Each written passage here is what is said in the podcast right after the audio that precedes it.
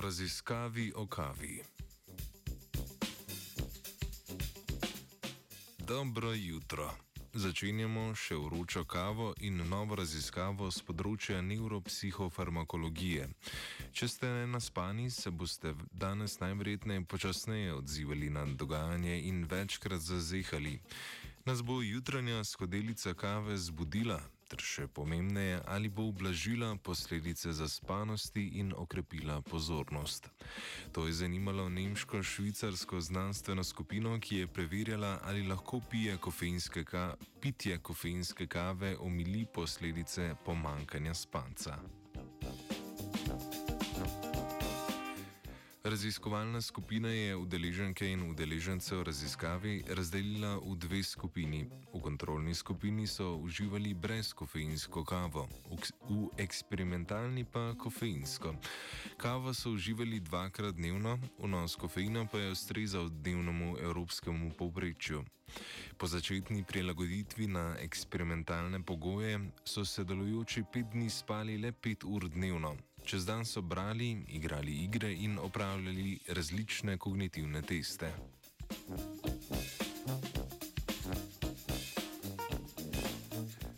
Sodelujoči so svojo zaspanost s pomočjo številčne lestvice ocenili večkrat na dan.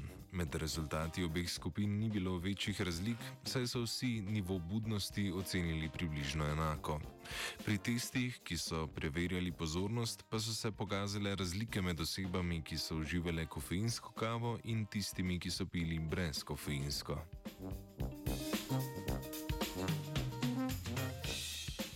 V prvih dneh se je skupina, ki je uživala kofein na testih, odzivala bolje in hitreje kot druga skupina. Znanstvenice in znanstveniki zato sklepajo, da je kofein, zaužit s kavo, pripomogel k dvigu pozornosti ob pomankanju spanca.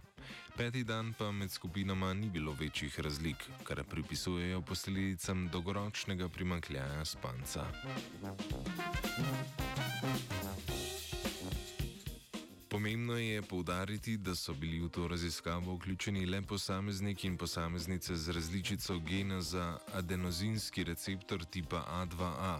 Na nje se lahko veže kofein, ena izmed posledic te vezave pa je tudi okrepljena pozornost po prekratki noči.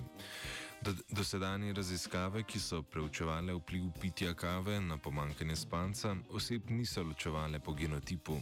Vsekakor pa bodo za celovito razumevanje dolgoročnih učinkov uživanja kofeinskih izdelkov na pomankanje spanca potrebne dodatne študije.